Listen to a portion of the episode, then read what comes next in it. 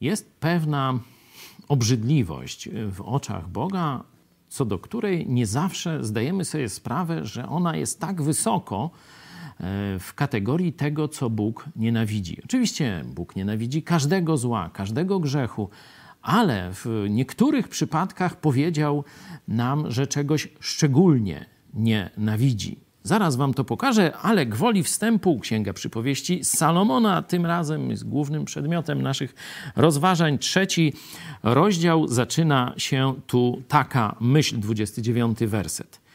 Nie knuj złego przeciwko swemu bliźniemu, gdy ci ufa, mieszkając z tobą. Że to jest coś bardzo podłego, jeśli wykorzystujesz czyjeś zaufanie. On ci zaufał, jest twoim, można powiedzieć, przyjacielem, domownikiem, współpracownikiem, a teraz ty e, w ramach wdzięczności na wspak, czyli diabelskiej, knujesz przeciwko niemu zło. To jest ogólne, dotyczy wszystkich ludzi, niezależnie czy wierzących, czy niewierzących, w kościele, czy poza kościołem. Ale później w szóstym e, rozdziale dorzuca tych sześć rzeczy nienawidzi Pan, a tych siedem jest dla niego obrzydliwością. Tą siódmą.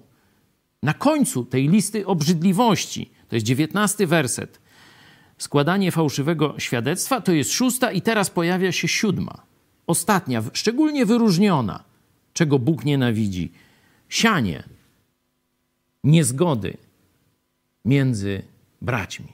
Czyli doprowadzanie do tego za pomocą intryg, by bracia, tu już jest mowa o wspólnocie Bożej, czyli przenosząc to na warunki Nowego Testamentu Kościoła, na e, warunek, na obszar Kościoła. Bóg nienawidzi, kiedy robisz rzeczy, które mają skłócić ze sobą chrześcijan w Kościele, w którym żyjesz.